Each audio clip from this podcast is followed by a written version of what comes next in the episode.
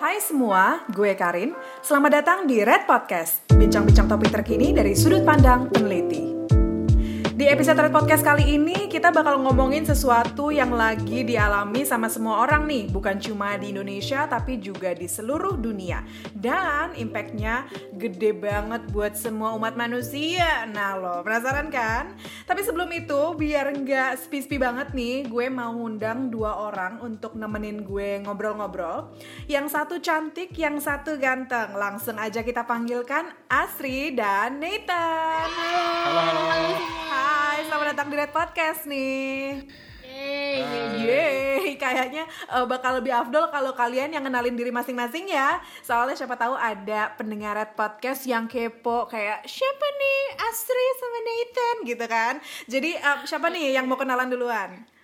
Oke, gue dulu kali ya. Boleh. Oke, eh, halo semuanya, nama gue Asri, panggil Riri aja. Gue UX Researcher di Tokopedia. Halo semua, nama gue Nathan dan gue juga bekerja sebagai UX Researcher di Tokopedia.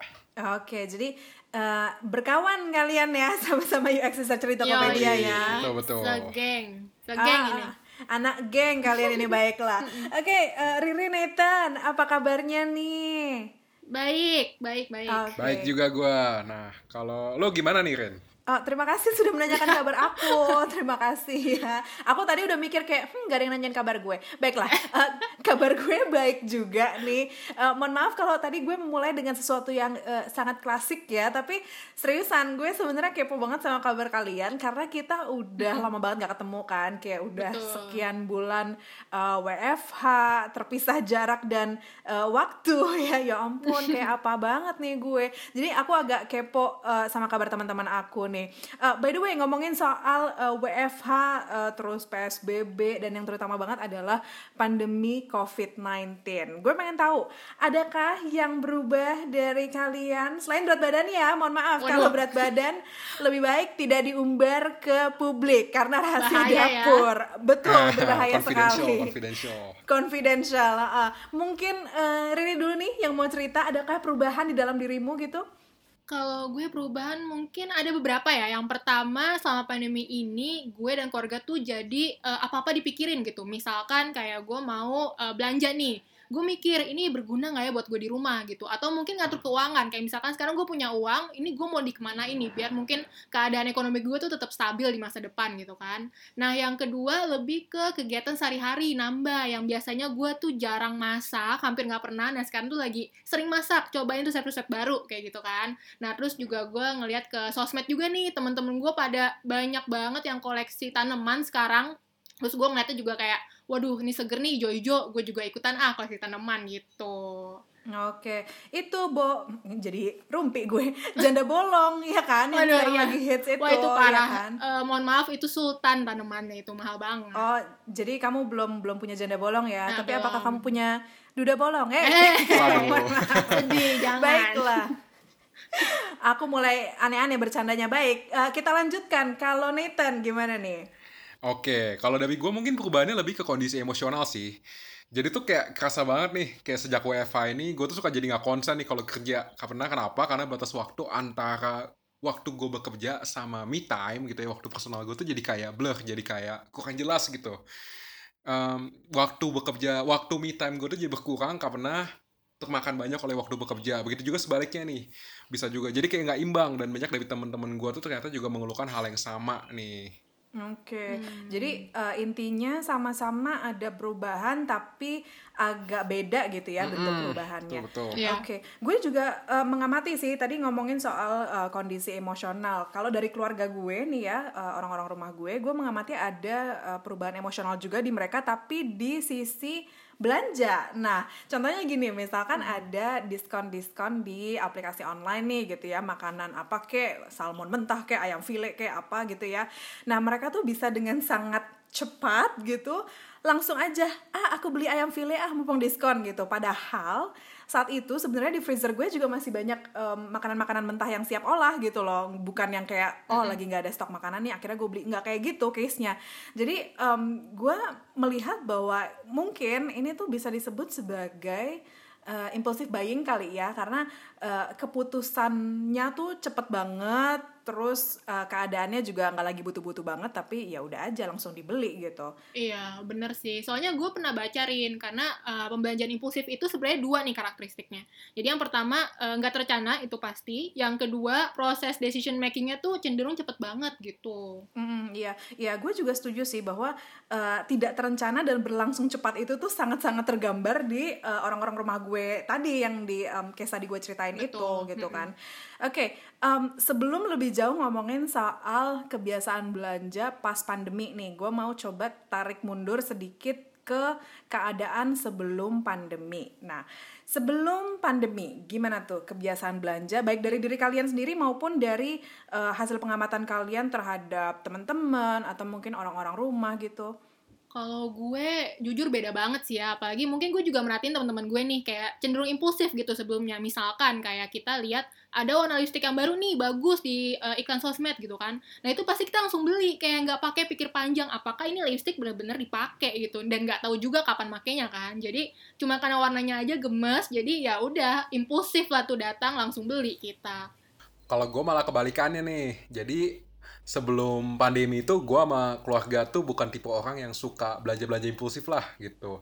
Tapi kayak sejak pandemi sekarang ini tuh jadi kayak kerasa banget sih jadi kayak impulsif gitu sekarang ini. Terutama kalau ada diskon nih. Apalagi kalau diskon itu berhubungan sama makanan karena kita semua tuh suka jajan, suka ngemil gitu kalau di rumah. Jadi kalau ngeliat diskon dikit aja pasti dia langsung tergoda nih sekarang ini. Apalagi sekarang kerjaan di rumah doang kan kayak aduh pengen deh ngemil-ngemil terus mirip uh, sama keluarga gue tadi ya. Uh, diskonnya uh, kalau misalkan berhubungan sama makanan oh langsung saja dibeli kak gitu ya. betul betul. Jebakan itu jebakan, jebakan. Batman baik. Um, gue sebenarnya berpikir bahwa mungkin kejadian kayak gini tuh nggak terjadi di uh, lingkungan kita doang gitu ya di keluarga teman termasuk hmm. diri kita sendiri um, gue juga mengira bahwa hal ini tuh terjadi di luar sana gitu. Orang-orang di luar sana tuh juga mengalami hal demikian. Nah um, untuk mengungkapnya ya untuk mengupasnya lebih jauh gue nanti um, mau tanya-tanya nih sama Riri dan Nathan terkait dengan hasil research yang kalian pernah lakukan terkait dengan kebiasaan belanja pada saat pandemi. Okay. nah gue penasaran apakah mereka impulsif atau biasa aja atau gimana? Nah tapi mungkin ceritanya bisa disimpan dulu ya karena kita bakal break dulu sebentar so jangan ke mana-mana tetap di Red Podcast.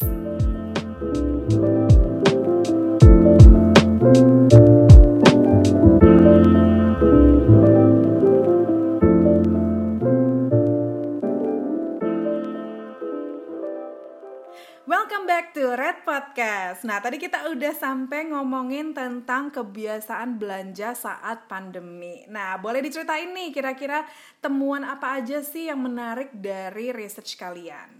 Iya, jadi waktu itu yang dikondak itu adalah uh, in-depth interview sama data tracking nih tentang uh, kebiasaan belanja saat pandemi. Jadi salah satu temuan utamanya itu bilang gini, kalau selama pandemi ini online shopping itu malah untuk beli barang-barang, uh, bukan lagi beli barang-barang yang nggak ditemukan di offline gitu, tapi lebih ke kebutuhan sehari-hari. Misalkan kayak lo mau beli sayur, yang biasanya lo ke tukang sayur nih dekat rumah lo, tapi sekarang hmm. lo belinya di platform online gitu. Nah ini menariknya responden gue banyak yang cerita kalau awal-awal nih shifting dari offline ke online itu sulit buat mereka. Apalagi ya untuk mereka yang emang ya lebih seringnya belanja offline gitu ya. Tapi uh, makin lama mereka belajar nih udah tahu platformnya gimana abis itu flow belanjanya kayak gimana gitu. Jadi mereka merasa nyaman ternyata. Ya udah akhirnya beli kebutuhan sehari-hari di platform online juga okay. gitu. Kalau dari Nathan adakah teman menarik dari lo Oke, kalau dari hal menarik yang gue temuin sekarang itu tuh gue perhatiin ya, orang-orang sekarang itu ternyata lebih memperhatikan yang namanya pengiriman dan ongkos kirim nih. Jadi itu behavior mereka tuh sekarang ketika berbelanja, mereka tuh senang menggenapkan pembeliannya. Biar sekalian nih, jadi kalau misalnya lo beli tisu gulung, satunya tuh ongkos kirimnya sembilan ribu. Nah, orang tuh jadi sekarang mikir ya mending sekalian aja beli delapan tisu gulung. Toh kan ongkos kirimnya juga sama gitu. Jadi dengan cara iya, menggenapkan pembeliannya gitu ya, jadi ongkos kirim itu bisa sekalian. Oke, okay. mungkin ini juga ya, sekalian hmm. nyetok barang gitu ya Iya betul banget nih. Jadi kayak mungkin jaga-jaga stok juga sih sekalian gitu ya mereka. Atau kan pada takut nih kalau misalnya stok di pasaran tuh tiba-tiba habis. Jadi pada mereka nyetok sebanyak-banyaknya bu jaga-jaga. Oke, okay. uh, eh, gue juga pernah uh, dengar sih, bukan dengar baca deng, baca hasil research uh, soal massive shifting dari uh, offline ke online gitu ya selama pandemi. Jadi katanya di Indonesia nanti sekitar Desember 2020 gitu ya bakal ada 12 juta pengguna baru e-commerce which is kalau misalkan kita hitung-hitung nih ya awal pandemi di Indonesia tuh kan sekitar Maret 2020 Iya. ke Hmm, Desember berarti kurang kurang, kurang lebih 9 bulanan itu sudah berhasil mengconvert yaitu 12 juta pengguna e-commerce baru. Itu gokil banget ya angkanya ya. Iya, Wow, uh, wow. iya makanya. Banyak banget. Iya, padahal kalau misalkan uh, dalam lingkungan yang normal gitu ya, nggak ada pandemi dan sebagainya, pencapaian itu tuh bisa di achieve dalam kurun waktu sekitar satu setengah sampai dua tahun, which is Wow. wow juga gitu kan dari yang tadinya satu setengah sampai dua tahun, tiba-tiba langsung 9 bulan aja gitu kan. Oke, em, kita eh, kembali lagi ke topik terkait dengan tadi kita udah ngomongin soal shifting nih dari offline ke online gitu ya. Eh, gimana halnya dengan frekuensi belanja? Apakah meningkat atau menurun atau biasa aja? Nah, siapa nih yang mau cerita? Hmm, bisa jadi meningkat ya. Karena dari survei yang kita kondak itu tuh 50% responden bilang nih jadi pengeluaran tidak terduga mereka tuh bertambah. Ke mana coba yang paling banyak ya? Itu ke impulsif gitu loh jadi belanja impulsif. Nah eh, nah ini tuh sebenarnya belanja impulsif juga mereka bilang ternyata em, mereka tuh ngelihatnya nggak ngelihatnya nggak cuma dari sosmed aja tapi dari kayak review-review orang habis itu dari promo juga gitu. Jadi bisa dibilang kalau em, impulsiveness itu sebenarnya nggak datang dari diri sendiri mereka gitu. Jadi kayak bukan cuma kebutuhan sehari-hari aja tapi ternyata kayak hal-hal yang tadi tuh kayak promo review-review orang atau mungkin iklan yang menarik di sosmed itu bisa menarik perhatian mereka untuk eh, beli gitu langsung barang-barang yang tadinya mereka nggak kepikiran untuk beli tapi oh ternyata menarik nih ya udah beli deh gitu Oke, jadi em, kalau gue bisa sedikit rangkum gitu ya, impulsif tuh jenisnya beda-beda ya nggak sih? Kayak Iya. tadi Hmm, ya, contohnya betul, eh, mungkin ada orang yang eh, apa namanya dengan dengan ya udah dengan sendirinya aja beli gitu ya, entah karena pelarian atau apa gitu kita nggak tahu eh, dia belanja aja gitu ya yang mungkin di luar kebiasaan mereka Mm-mm. gitu kan? Betul. Kayak yang sebenarnya yang tadi gue bilang sih kayak orang impulsif itu karena lebih terpengaruh sama orang lain gitu. Ini persis banget kayak tadi cerita gue di atas yang eh, gue sama temen-temen gue yang tadi beli lipstick tanpa pikir panjang cuman gara-gara lucu doang tuh warnanya. Jadi kita langsung beli gitu kan. Nah mungkin nggak tahu nih kalau Nathan gimana? Gue sih tadi pengalamannya kayak mirip sama gue gitu. Oke, kalau dari pengalaman gue, terus juga dari riset gitu ya, gue temukan kalau ternyata mindset sama kondisi lingkungan itu juga berpengaruh nih sama tingkat keimpulsifan seseorang, bahkan kita sendiri nih.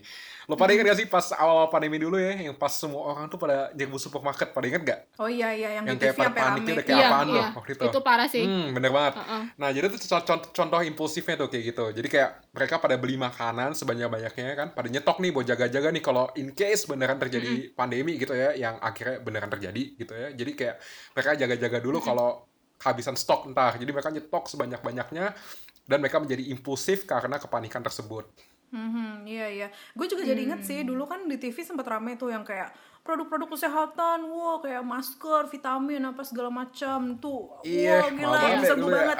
iya iya kayak mahal banget dan langka juga. Jadi kemahalan ya harga mahal itu gitu ya dipengaruhi karena kelangkaan stoknya juga. Gue inget kayak eh, masker yang tadinya satu box tuh paling berapa gitu ya. Tiba-tiba jadi tiga puluh ribu. Iya kayaknya ya, tiba-tiba jadi wow setengah juta gitu kan, 400 ribu segala macam Iya. kayak, wow Parah sih gila. Iya dan dan gue pribadi ya, gue terus terang aja nih, gue tuh kalau misalkan jajan ayam di Shilin yang harganya 40-50 ribu aja gue masih mikir gitu kan apalagi ini gitu Iya loh sih. gue Waduh. Iya di satu sisi gue butuh masker dong pasti. Tapi di sisi Iya. lain harganya mahal banget Bo. Kayak Betul. Eh, mohon maaf sebagai rakyat jelata saya eh, kurang sanggup tuh untuk menanggungnya gitu kan. Jadi eh, iya mohon maaf saya jadi curhat terkait dengan kondisi finansial saya ya.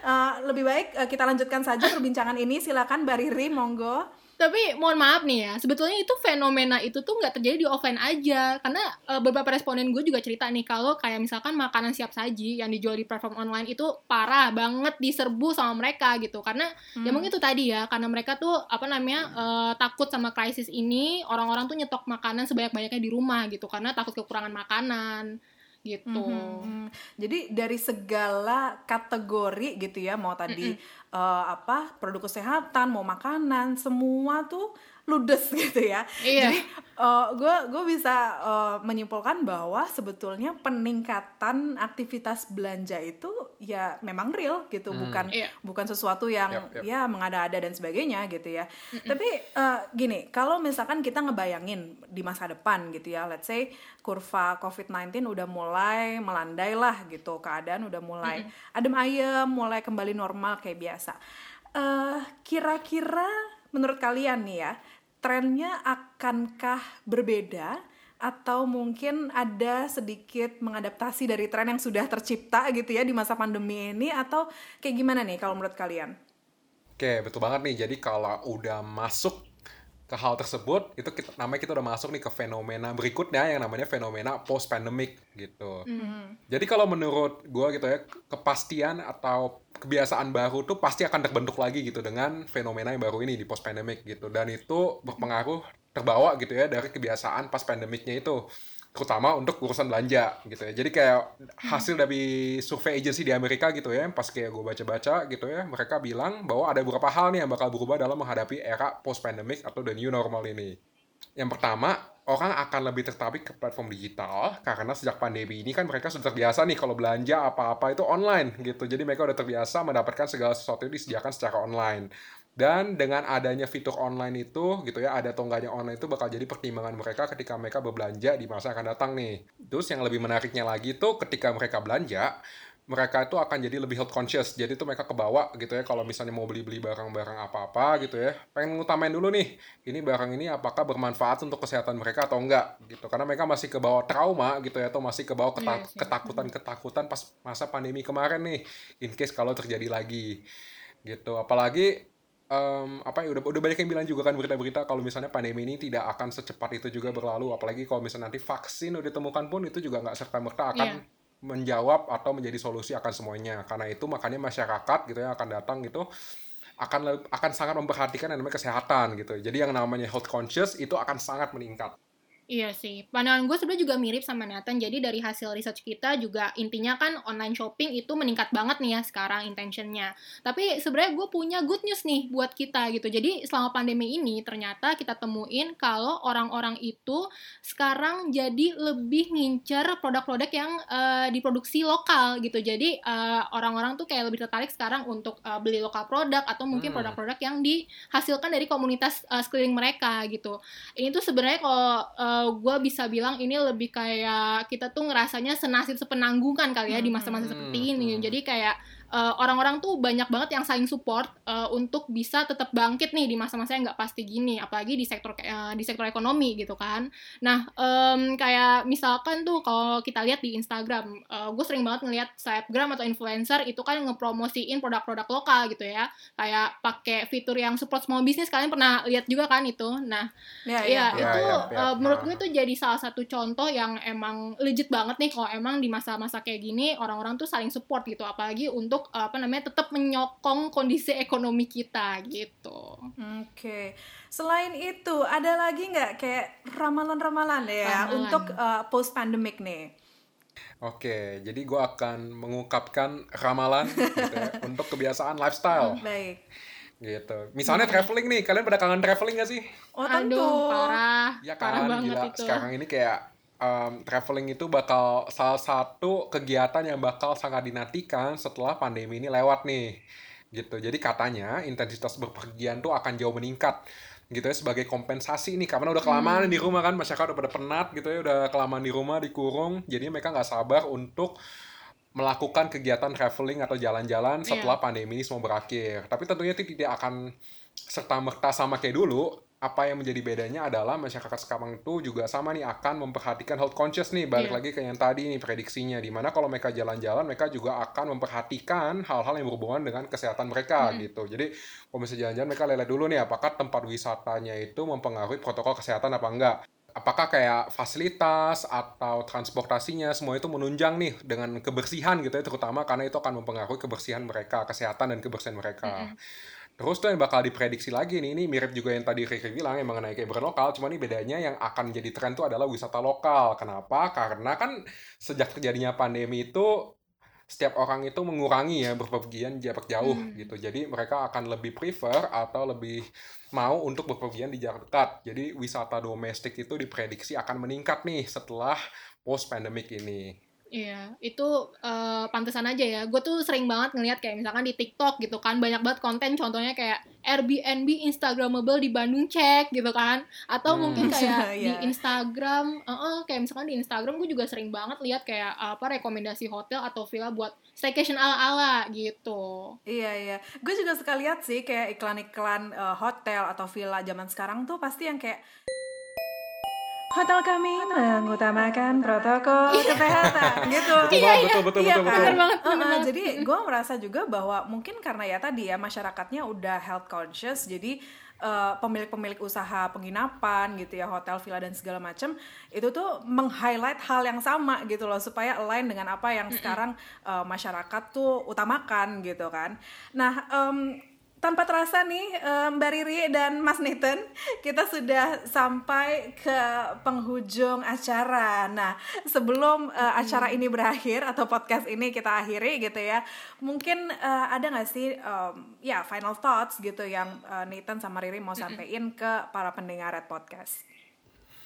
Oke, kalau menurut gua saat-saat seperti ini ya, lagi pandemi ini kesempatan banget nih buat para UKM atau para pemilik bisnis kecil-kecil nih untuk lebih gencar nih nawarin produk mereka. Kenapa? Karena sekarang ini kan orang jadi cenderung lebih impulsif ya.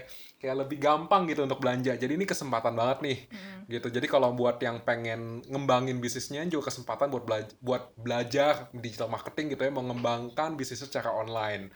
Terus yang paling penting buat yang belum mulai bisnis, ini juga mungkin jadi kesempatan juga nih untuk mulai aja bisnis kecil-kecilan gitu. Siapa tahu mungkin bisa sukses di masa-masa seperti ini.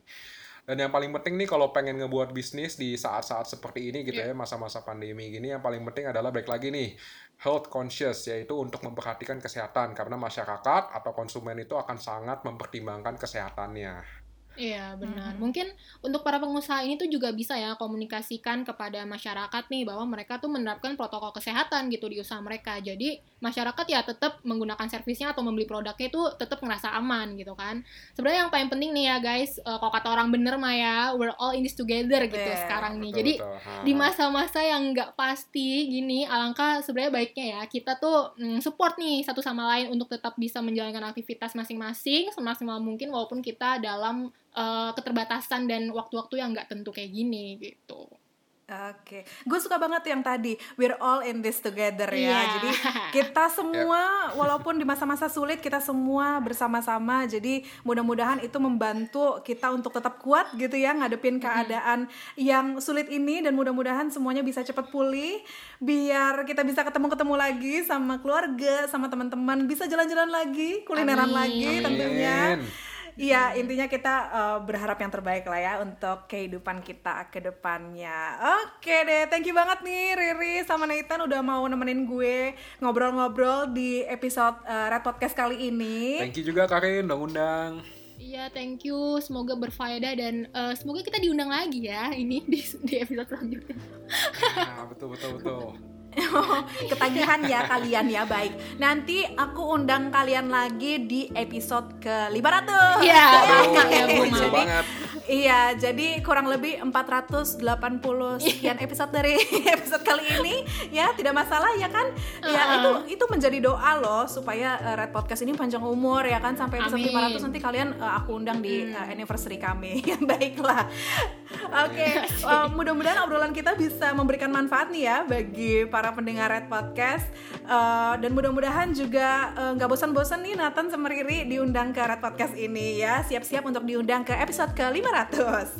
Baiklah akhir kata uh, gue Karin undur diri. Thank you banget juga untuk teman-teman yang udah dengerin Red Podcast.